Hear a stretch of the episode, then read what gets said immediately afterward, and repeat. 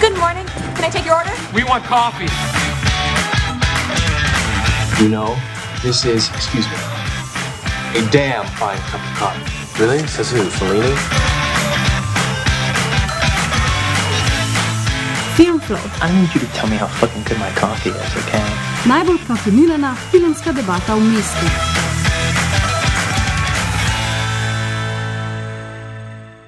Sreda, 11. november, prvi dan Lifa. Vesna, v oklepaju 23, se s kolesom iz centra pelje proti Cankarju. Nekaj poletno nostalgičnega za začetek si je mislila, ko je po natančni analizi programske knjižice obkrožila ozonovo poletje 85. Svetloba se počasi poslavlja skozi silino reže hladen veter. Vesela je, da si je odločila, da danes obleče zimsko jakno in topel šal. Spriletavajo jo prijetni občutki vznemirjenja. Life je njen najljubši čas leta. Pri kolesari do vhoda pri pizzeriji Parma. Zaklene kolo in se po stopnicah spusti v podhod. Na levi strani opazi skupino ljudi. V zraku je prijetno pridušen zvok klepeta. Na hitro skoči še po kos pice v Maxi.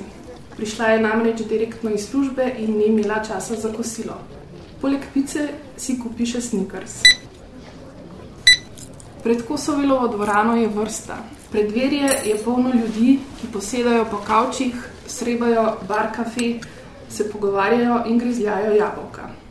Vesna zagleda Barbaro, ji pomaha in se ji pridruži na kavču. Daj, prosim, malo pazi na stvari, sam do VC-ja še skočim. Biljeterka ima poskenira karte. Poiščeta svoje sedeže in opazujeta mravlišče ljudi, ki počasi zapolnijo čisto vse razmahane rdeče sedeže Linhartove dvorane. Luči se ugasnejo.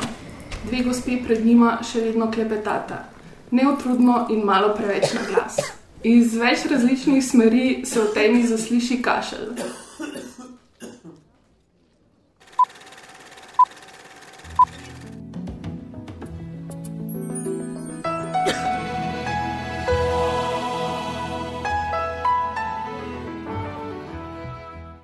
Nekako tako je Leaf izgledal pred davnimi, davnimi časi. Letošnja edicija pa se je udomačila kar na naših domačih kavčih. O Leafu 2.0, 2.0 bova Ana in Maja danes klepetale z letošnjo prejemnico priznanja revije Ekran, Petro Meterc. Petra, hvala, da si danes z nama in še enkrat čestitke za res zasluženo priznanje. Hvala. Ja, potem v vodu me v bistvu najprej zanima, kako ste videli doživeli letošnji liv. Noro. Jaz sem na kavču z zlomljeno nogo, tako da je. V bistvu je dobro, da je bil Leaf letos online, da sem jaz lahko kaj videla, ker pač drugače ne bi mogla nič videti. Tako da to je bilo vse amazing. 2020, it's all coming together. Um, jaz sem si zaradi uh, preveč dela vse filme, vseh pet, mislim, da pogledala nekje okoli polnoči. Tako da nekaj vzdušja jih ni bilo v tem. Ne, ne vem, meni men ta spletna festivalska izkušnja, um, nis, nisem jaz se doživela v nekem uh, takem uh, svojem finem vzdušju, kot bi ga mogoče uh, lahko ali pa ne, bi si ga mogla narediti. Uh, enostavno si ga težko malo tako mm -hmm. uh, ustvariš, sploh če imaš full dela, pa se tako ja, ok, odlašaš in pogledaš v polnoči. In, Pa si futešen, če je film slab, ker v bistvu ne spiš zaradi tega. Ja, jaz se strinjam, jaz sem tudi večino filmov gledala zelo pozem, tako okrog polnoči, tudi s Petrom, so se pri enem parih, ki niso bili glih najboljši, pa da malo dopisvali in jih malo uh, kritizirali. Čeprav so, sem pa imela tako eno tako, mogoče malo proper lif izkušnjo, ker smo s Cimro skupaj gledali glih ozona poletje 85, čeprav nam je bil obema full slab film. so se vse en ful zabavali, ker so se pol pogovarjali o tem, kako oh, si predstavljaš, kako bi zdaj šli iz dvorane in poslušali vse te gospe okrog, ki se pogovarjajo, oh, kako je bil pa to fajen film, tebi je bil pa sam tok za noč. Obup. Ja, ta list publika. Mm, ja. Uh, Ja. Tako da, ja, drugače pa tudi jaz, eh, kar precej uh, pogrešam uh, živo uh, festivalsko izkušnjo. Me pa zanima, uh, mislite, da, da za naprej, da bi bil Life samo v živo ali hibridna verzija, se pravi oboje. Ko vsem se mi pa zdi, da po eni strani za ljudi, ki pa vsem ne morejo prijeti v Ljubljano ali pa so v takih situaciji, mm. ki je bila recimo Maja, je pa v bistvu to, da si lahko filme pogledajo tudi nadaljavo, bilo fajn. Ja, ja, jaz upam, da se bo vsakih kanček online lifa ohranil, ampak bo treba pol delati mal drugače. Online gledajo film potem drugi ljudje, to je tudi priložnost za raztegant lif nekam, ki ponavadi v kakšne vasi, ki ponavadi lif ne seže, ampak je treba pač drugače platformo zastaviti.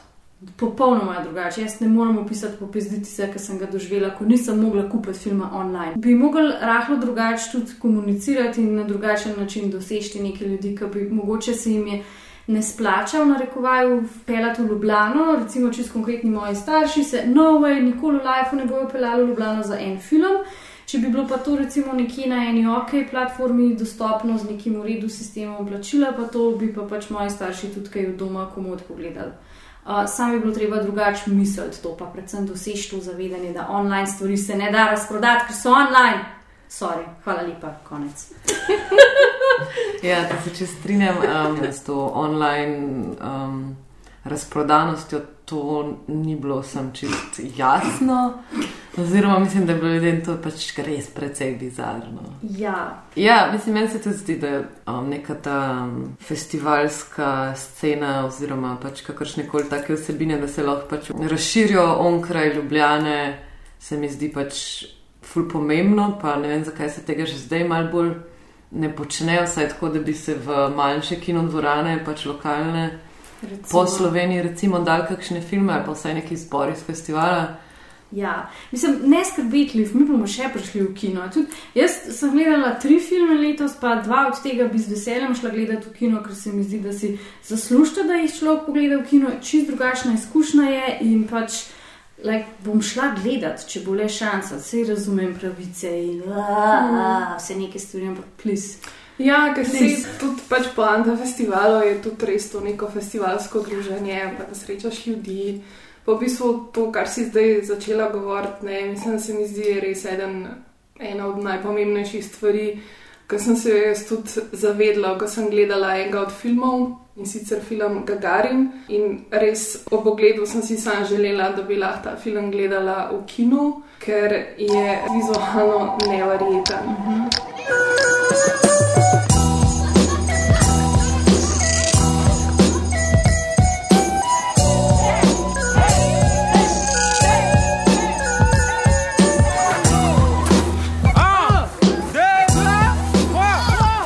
Gagarin je uh, ena taka magična, urbana filmska fantazija o revnem priseljencu, ki sanja o potovanju skozi vesolje. Film je navdihnilo nedavno rušenje ogromnega stanovanskega kompleksa v predmestju Pariza. Rdeče opečnati termitnjak je bil zgrajen v 60-ih letih 20. stoletja in poimenovan po legendarnem ruskem kozmonautu Juriju Gagarinu. In film se tu začne z arhivskimi posnetki njegovega obiska leta 1963, ko so stavbo slavnostno otvorili. Več o filmu pa nam bo povedala Petra. To je bil v bistvu film, ki je bil meni najbolj všeč na tem lifu.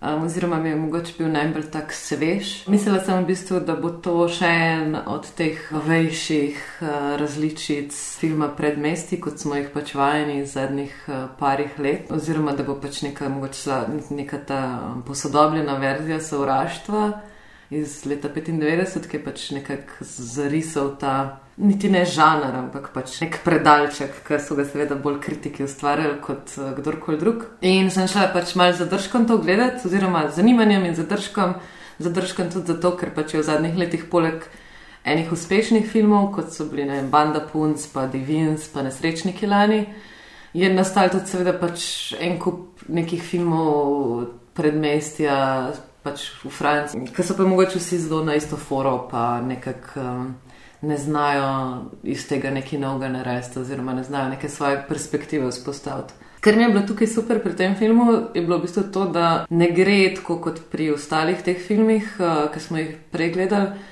ne gre na neko to politično, ekonomsko vprašanje. Ker pri teh filmih ena problematika je bila vedno to, da prikazujejo ta naselja kot nek prostor, ki pravzaprav determinira te ljudi. In mal, malkrat so te filmi zares odstopili od tega vzročno-posledičnega razmerja. In da bi pokazali, da ni prostor tisti, ki pač uh, povzroča socialno-ekonomske stiske, ampak da so te socialno-ekonomske stiske tiste, ki pač vse to pač, uh, generirajo in da pa ta prostor v bistvu nima prav veliko uh, skupnega s tem, razen da pač tam te ljudje živijo. Mm. Pa pa druga skrajnost, ki pa pač seveda te filmi grejo v neko politično noto oziroma grejo v preseganje tega, da pač prostor determinira in tako naprej in iščejo širše perspektive in neke politične vzvode in tako naprej, pa pa seveda zapadajo nek ta pač um, moment socialnega realizma, ki zna biti zelo en vzorc. Ne. Ta film pač v bistvu pa to neko um, perspektivo socialno-ekonomsko pusti čisto ob strani, seveda je tam um, ker pač iz neke situacije tega glavnega junaka vse to lahko brez problema sklepaš. Ampak si dovoli, da gre v bistvu v eno bolj fantazijsko smer, nek potencial domišljije pri, pri mladem junaku, temu Juriju, seveda pač spet Juri navezave na Gagarina. Pri tem temnopoltem najstniku, ki pač sanjari v vesolju in o astronautih, in živi v tem, v tem naselju Gagarin, ki ga pa pač na neki točki želijo zaradi dotrajanosti podreti. In potem pač film nekako spremlja to obdobje, dokler ne bojo teh blokov podrli, in, in potem še pač sam trenutek eh, pred, eh, preden vse to podrajo. Ja, in meni je zelo všeč, da v bistvu ta film čist skrene v to smer domišljije v neko osebno doživljanje navezanosti na prostor, ki se itek uh, spaja s tem, da je to navezanost na skupnost, ki bo pač razpadla potem, ko, ko se bodo ljudje razselili vse naokrog.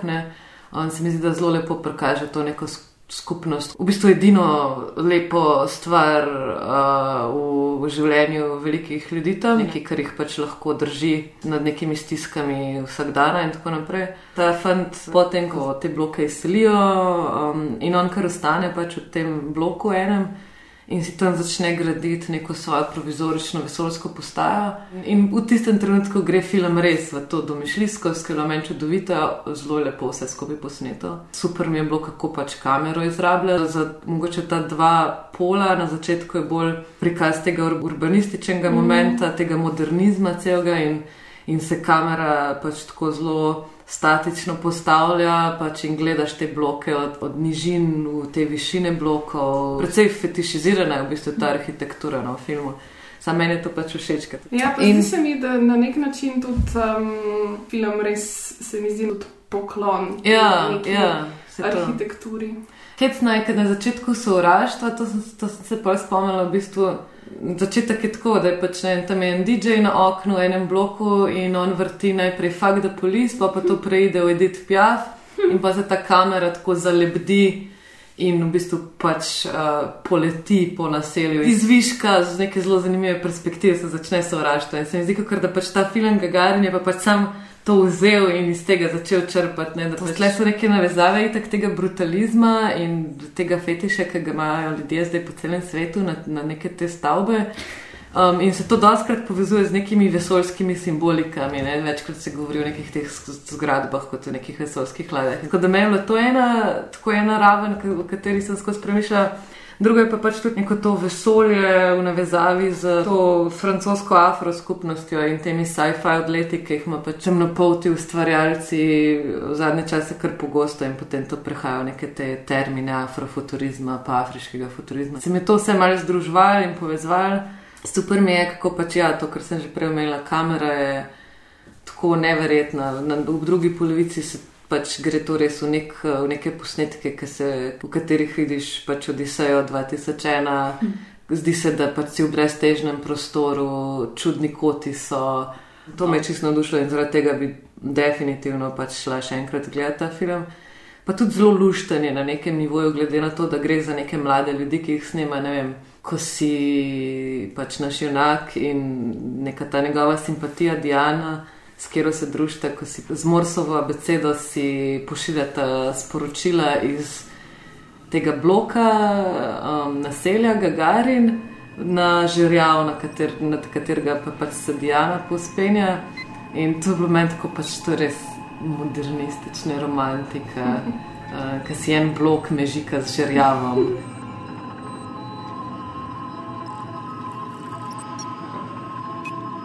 Tudi cel ta pač moment, ko si on naredi to, to svojo um, vesoljsko komoro, v kateri je na nek način skoraj samo zadosta, ima vodo, pač goji zelenjavo. In te neke um, scenografske rešitve so bile tudi ful lepe, tudi recimo pač ta končna scena, ki je v bistvu ona na strehi stavbe, pa pada sneg in Ja, ja. pol po ustvarjal ta prvi korak na luno. Pa tako, mm. ful ima neke lepe uh, vizualne rešitve. Tako da je res, mislim, Me- Meni je bilo recimo čist genialno, ker je začel um, s to macolo razbijati, je delal luknje med stanovanji ne, na, na enem nadstropju. Wow. Da, bi imel, da bi bil v enem bloku, ne pa se nas veliko živi v blokih. In da bi sam naredil en tunel skozi vsa stanovanja, kako bi to zgledalo, kako hudo, veš, ker je huda, čist, mislim, čist nekaj enostavna stvar, ampak tako, ker si je ne zamišljaš, ne, ker pač si vajen pač te majhnih enot stanovanj in on pač te majhne enote takrat poveže in so tako, wow, kako dobro. In ker hod zunoma celo iz enega stanovanja v druga, bi se bilo to tako tudi ful, ful lepo narejeno. Ja, pa meni je bilo, mislim, ful mi je bilo fajn, pač, ko si prej govorila tudi o tej skupnosti, um, kako je pač pomembna bila za, za vse te ljudi, predvsem pa za glavni lik, zaradi tega, ker pač je bil sam, mama ga je v bistvu zapustila, očeta ne pozna in njemu v bistvu ta skupnost res družina, ne? mislim pač ta svet ki ga pozna in zato tudi hoče nekaj narediti. Mi je bilo full fajn pač ta moment, ko pač pomaga popravljati to stavbo, ko v bistvu naredi zato, da vsi lahko gledajo um, sončni mrk. Tako res so neki taki full, full lepi, lepi momenti. Čeprav jaz sem na čase imela malo občutek, da se ta nek magični, pa socialni realizem, da se nista glih najlepš zlila eden od drugega. Se, ja, čist isti, isti občutek, ampak jaz sem mogoče to, kar začela malo tako vmes med filmom tolmačiti. Mislim, sem to je pač seveda čisto moja osebna neka interpretacija, da pač neka ta resničnost tega razpada skupnosti, pa razselitve, pa to, da, da, da to tok pritisne na tega fanta, da, mm, da pač gre v nek svoj svet in da, um, da to mogoče ni pač čist, mislim, da to sploh ni čisto razumsko. Ne? In se mi zdaj tudi malo stiska pač to, ta, ta eskapizem v to domišljijo in sem se pol to nekako na ta način povezala. On se connaît depuis tout petit, tu me factures pour 30 euros. C'est pour réparer la cité, c'est pour nous en plus. Margarine Forever. Le vertige. Gagarine, il n'a pas le vertige. Eh Yuri, faut que tu fasses, hein, ils vont la détruire la Ja, definitivno pač film, ko pride v kino, ko se kino odprejo. Um, We'll be there. Ja, will be there um, in tudi vsekakor zelo, zelo um, toplo priporočamo.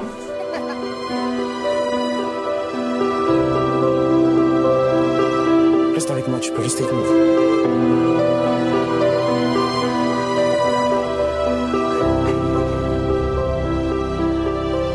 Pariškega se z naslednjim filmom selimo v Newyorško predmestje, kjer živi Jane, glavna, a kljub temu povsem nevidna protagonistka prvenca avstralske režiserke Kitty Green, asistentka. To je film, ki pod drobnogled vzame en delovni dan pomočnice v podjetju, ki se ukvarja s filmsko produkcijo. Statična kamera v dolgih kadrih potrpežljivo beleži njene monotone pisarniške zadolžitve, a pod dolgočasno vsakdanjostjo preži nekaj zloveščega. Welcome. Have a seat. Whatever's going on, you can tell me. That's what I'm here for.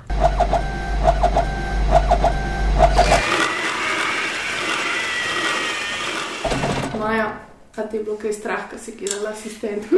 Ne, ne, ni me bilo strah, bila sem pa živčna, jezna in anksiozna medtem, ko sem gledala ta film. Ker če tega filma ti ne gledaš res zelo dober, pa zelo natančno, v bistvu sploh, zelo hitro lahko fališ, kaj je point celotnega filma. Ker medtem, ko ti spremljaš vsa ta banalna dejanja naše asistentke, se okrog nje izkaže neko zlo in to zlo je zelo jasno, um, se mi zdi, da takoj, ko se film začne, ti je jasno, da je to basically o Harveyju Einsteinu in pač MeToo movementu, ker je pač ona dela v produkcijski firmi enega zelo slavnega producenta, ki se ga nikoli ne vidi, sliši se ga samo po telefonu in zelo jasno ti film da vedeti, da on si naročuje neke asistentke in ženske v pisarno, kjer se potem najbrž kakšne um, stvari dogajajo, ki niso bili najbolj v redu. Checks don't have a name or anything, just a dollar amount. Uh, ignore it. Okay, and will he know what it's for? Yeah, he'll know. I wouldn't sit there. Never sit on the couch. here and here, initial here, sign there. Do I need a lawyer or something? Do you have a lawyer? In ona to zazna, začuti, ona to vidi, ona najde enkrat en uhan na tleh, pa ugotovi nekako, da je to od ene ženske, potem ena nova asistentka pride pa jo pele v hotel, kamor gre pa tudi ta producent, ta nek čit čet v pisarni, ne? ta nek, ki greš se srečaš s sodelavko na kavo, poreš tokaš. Skozi ta pogovor vidimo, da v bistvu vsi ljudje malo vse vejo, pa se jim zdi malo smešno in tako naprej. Temu filmu rata pisati točno to, čemu smo se mi vsi čudili, ko je cela ta pizdarija z Weinsteinom ven prišla, kako je možno, da nihče nič ni rekel. Pač pojdi si pogledati ta film, tako je možno, za, mislim, točno to se dogaja, da z- nihče nič ne reče. There's a girl waiting. Oh, her. She's been here before. A few times. What is it? His wife. Say he's in an important meeting. Say he's in the screening. En izmed bolj heartbreaking momentov filma je, ko gre ona se odloči, da bo prijavila to, kar vidi. Ona gre do pač te neke kadrovske in tam pove kadrovniku, kaj se dogaja, on jo seveda dismis. Ampak je pol na koncu reče: Don't worry, you're not his type. Mm. In pač tle je briljantna igralka Julia Garner, ki za delček sekunde ima olajšanje na frisu, ki ve, oh, ok, meni se to ne bo zgodilo, jaz sem varna, pa pa krivda. Ki pač točen ve, da ok, jaz sem varna in kaj, pa, kaj naj zdaj, kar je bilo pa meni še najbolj dramatično pri tem filmu, ne, da po 87 minutah se jaz aklimatiziram na ta film, jaz tako se, aha, politonim, ok, to se dogaja, to je naš plot, aha, tole tle so teli protagonisti in glih tako se v, namestim nazaj v kavč in lepo, ok, zdaj se pa začel kaj dogajati, konec. In sem ti poslala all caps message, kako je tega filma zdaj konec. I need to know more. V bistvu ta nenadni konec filma je skoraj najboljši del tega filma, zato ker pa začneš premišljati, ok, fuck, ne. To je bil zdaj najbrž sam nek, ne vem, sreda ali pa ponedeljek in zdaj ona gre še en naslednji dan isto v službo in isto si bo dogajali in isto jo bojo, she will slowly die in pač nič nikoli ne bo drugače, samo ona se bo pač trpinčila te v tej službi, pa najbrž nikoli ne bo producentka, ker v taki firmi nikoli ne rataš producentka. Maybe I can put in a good word for you. No, he'll hire externally. Listen, his schedule has shifted. Does 7 p.m. work? Still at the hotel or? Yes. What? This is turkey. I said chicken. Če gledate ta film doma, Ja. ja. pa lahko ga gledate, ker je dostopen na HBO Go um, pod naslovom um, Pomočnica. Mm. Ga gledajte s slušalkami, zaradi tega, nujno. ker je zvok je res ful pomemben Ja. ja. del tega filma. Ja. Ja. Ker res ustvarja to neko uh, horor atmosfero. Ker, ker ona skoraj nima, skor nima dialoga, zelo je nič, mislim, ker sej, kdo pa se, kdo pa se pogovarja s asistentkami, nihče. a Ne? In je tako zelo ambientalen, tudi vse ostale, ostale zvok okrog pisarne. Ne? Ti v bistvu zelo velik tega nekega plota, ki se dogaja, izveš pač iz, iz tega pisarniškega čičeta. a Ne?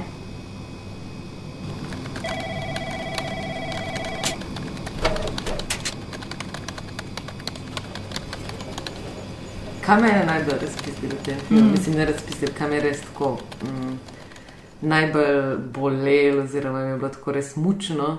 Stala ta dva njena Oh, sodelavca. ja, ne. ja, I didn't wanna go there, but let's go there.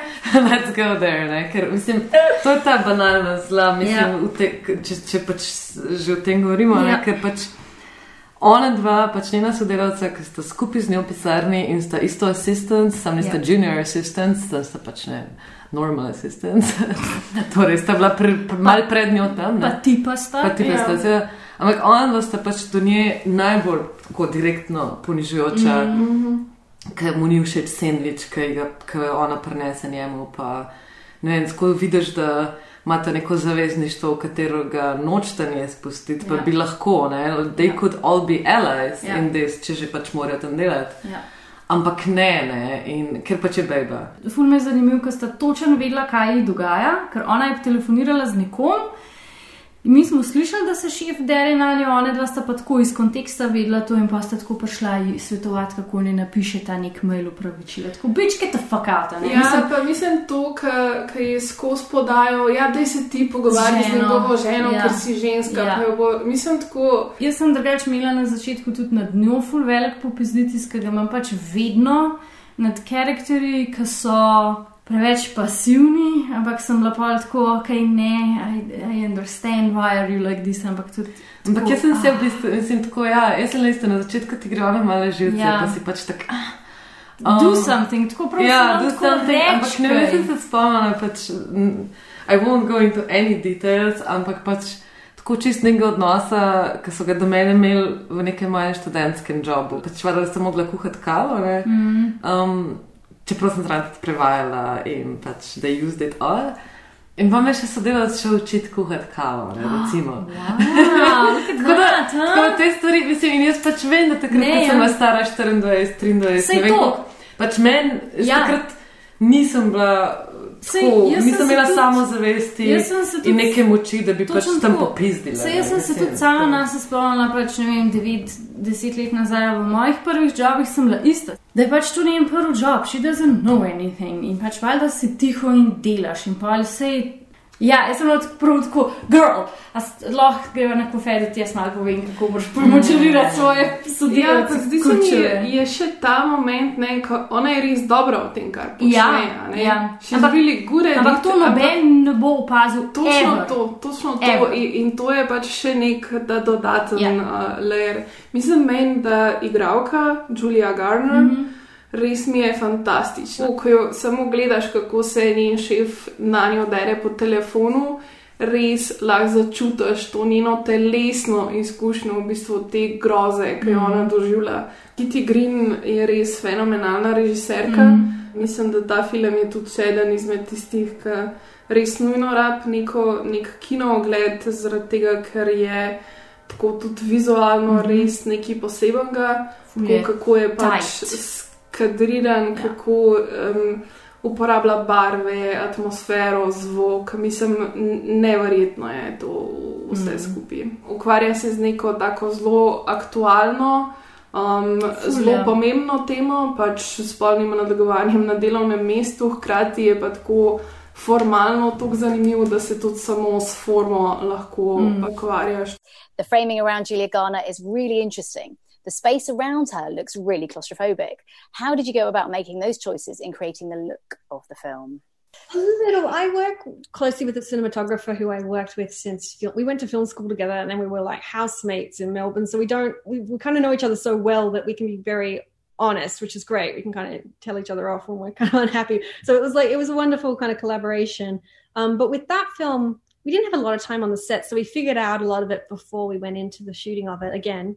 But we did. I was conscious of making sure I wanted the environment to kind of swallow her up. So you do kind of notice her getting a little lower and lower in the frame as as we get towards that HR scene. You can kind of see the framing shift. So she's got a bit more headroom, and she feels like kind of like it feels more claustrophobic, and she feels like kind of more more and more powerless as she goes along, which was important to me visually as well as dramatically. So.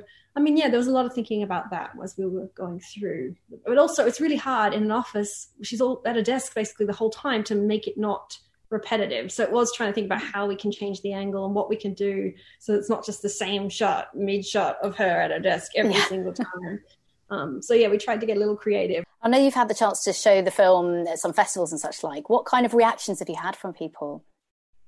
Um, I've had, I don't know, it's really interesting. I think I get a lot of women who are excited to see, well, excited is the wrong word, but kind of happy to see their experience reflected on screen, like things that they've been mentioning to their colleagues and the colleagues have ignored. I know when I, whenever I would bring up something that I felt wasn't like was inappropriate, often people would say to me, "Oh, just ignore it," you know. And I'm like, "No, it hurts. It's hard." And so being able to see those things on screen, I think people are happy about. And then I get a lot of, I've got a few men who come up to me and say that they're going to rethink their behavior and they're going to think about the way that maybe when they were trying to help, they were maybe being a little patronizing, or maybe that was a, they were stepping over the line in, you know, in certain places. And so that's, that's been interesting too. But the best reaction, to be honest, is a few bosses have come up to me and said that they were going to think about the way they treat their employees the next day, which is great.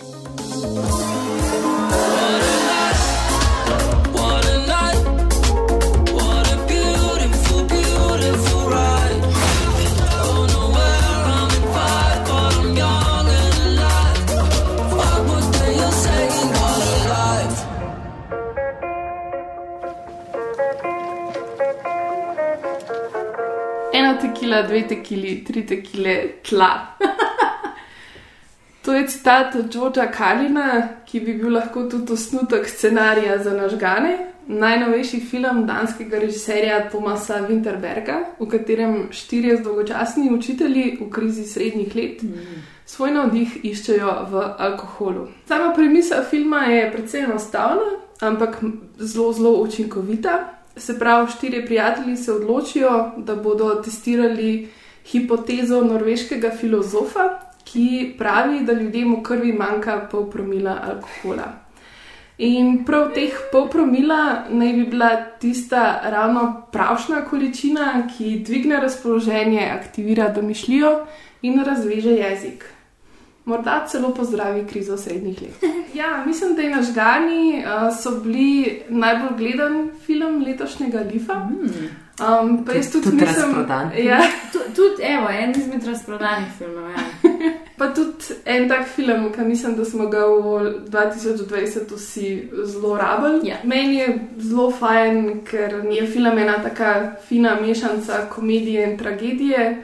Na eni strani pač je res full zabaven mm. in um, ga je užitek gledati, po drugi strani pa ti pa tudi da marsikaj um, v razmislek. Film je posnel um, Tomas Winterberg, ki ga mogoče še vedno najbolj poznamo, zaradi tega, ker sta skupaj z Larsom von Trierjem napisala manifest Dogma 95. V bistvu bi lahko rekel, da se tudi v tem filmu še kar um, vsaj v neki meri drži teh pravil, ki ste si jih takrat uh, postavila, se pravi, da so ključni deli filma zgodba, igra in pa tema samega filma, kar se mi zdi, da v bistvu v nažganih um, res pač je to nekaj, kar pač drži ta film. Sploh se mi zdi um, igralski ansambl in sama igra vseh štirih.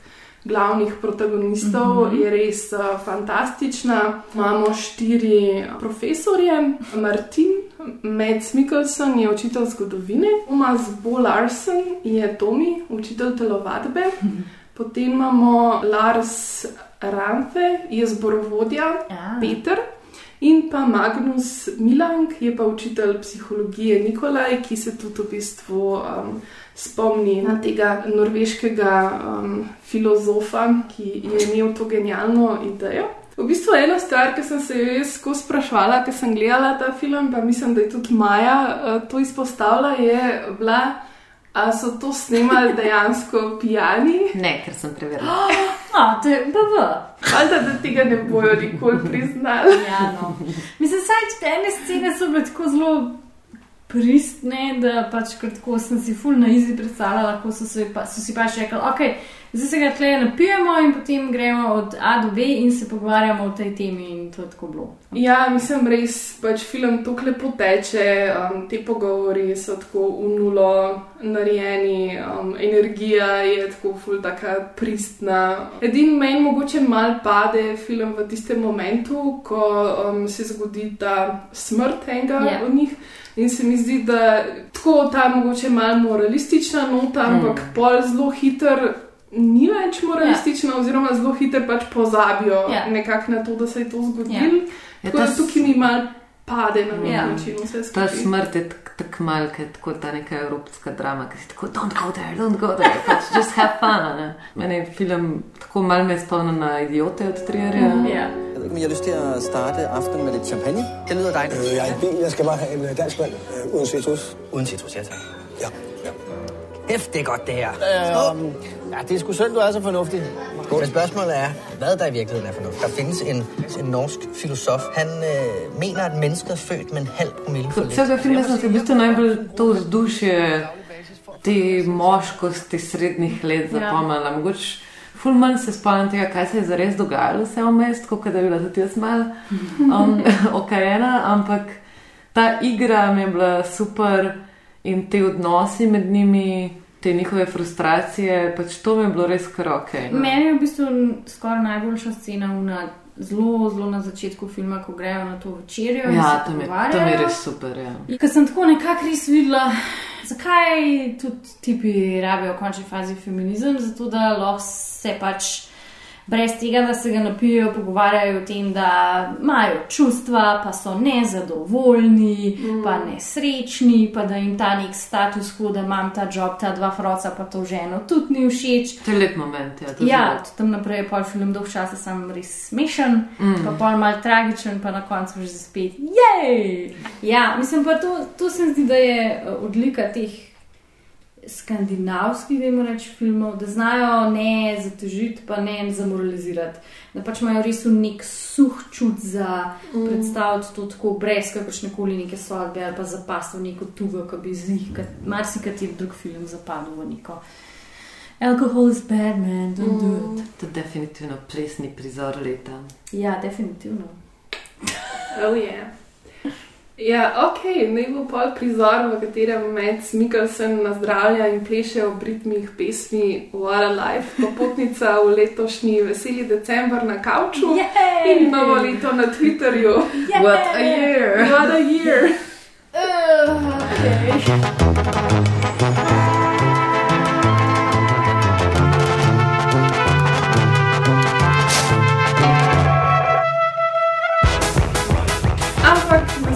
Prihajata še dva festivala, ki nam bosta vsaj malo popestrila dolge zimske večere. Tako da v ponedeljek se začne letošnja animateka. A boš Petra ti na hitro mal um, povabila? Kao ne. ne, vam bom, če vam lahko svoj PR moment. Um, ja, mislim, animateka se začne v ponedeljek, traja do 9. decembra, kar pomeni, da lahko kar 10 dni gledate te stvari vse na spletu. Nimamo geoblockinga, tako da če lahko to gledate tudi v tujini, vsaj za večino filmov ne. So pa čudovite stvari, no, mislim, kot vsako leto tekmovalni programi so tako super izbrani, med drugim je totalno zbirala. Ne. Celovečerci so pa letos sploh izjemni, ne vem, mogoče li poročam od uh, polskega režiserja Marijuša Velčinskega celovečercu Bito in Zapusti to mesto. Uh, režiser delal 14 let to animacijo, Wow. um, prej je delal sicer veliko kratkih in je bil tudi zelo že uspešen, ampak to, kar je pa zdaj naredil, je pa res pač nekaj posebenega. Vse je ročno narejeno, um, ogromne, čist avtorske domišljije je v tem. Res je eno tako ne, monumentalno delo, se mi zdi. No, tako da, če, če ste vsaj mal fan animacije, potem se mi zdi, da je to nekaj, kar pač res velja videti. Ja, mislim, Animateka je res uh, eden najboljših festivalov, tudi program je vsako leto fenomenalen. Cene vstopnic so mogoče malo bolj prijazne kot na letošnjem Lifu. Imate tudi super pakete, tako da si oh. lahko pač kupite več uh, različnih projekcij za eno tako res uh, fino ceno. Pol za Animateko pa med 12. in 20. decembrom sledi še 36. festival LGBT filma ki bo tudi letos uh, prek spleta in tudi prinaša en zelo fin program. Poglejte si, kak dober film, oba festivala jih res ponujata več kot preveč. Podprite svoje najljubše kulturne dogodke in predvsem pazite na sebe in druge. Adijo! Ciao! Ciao! What a life, what a night, what a beautiful, beautiful ride. Don't know where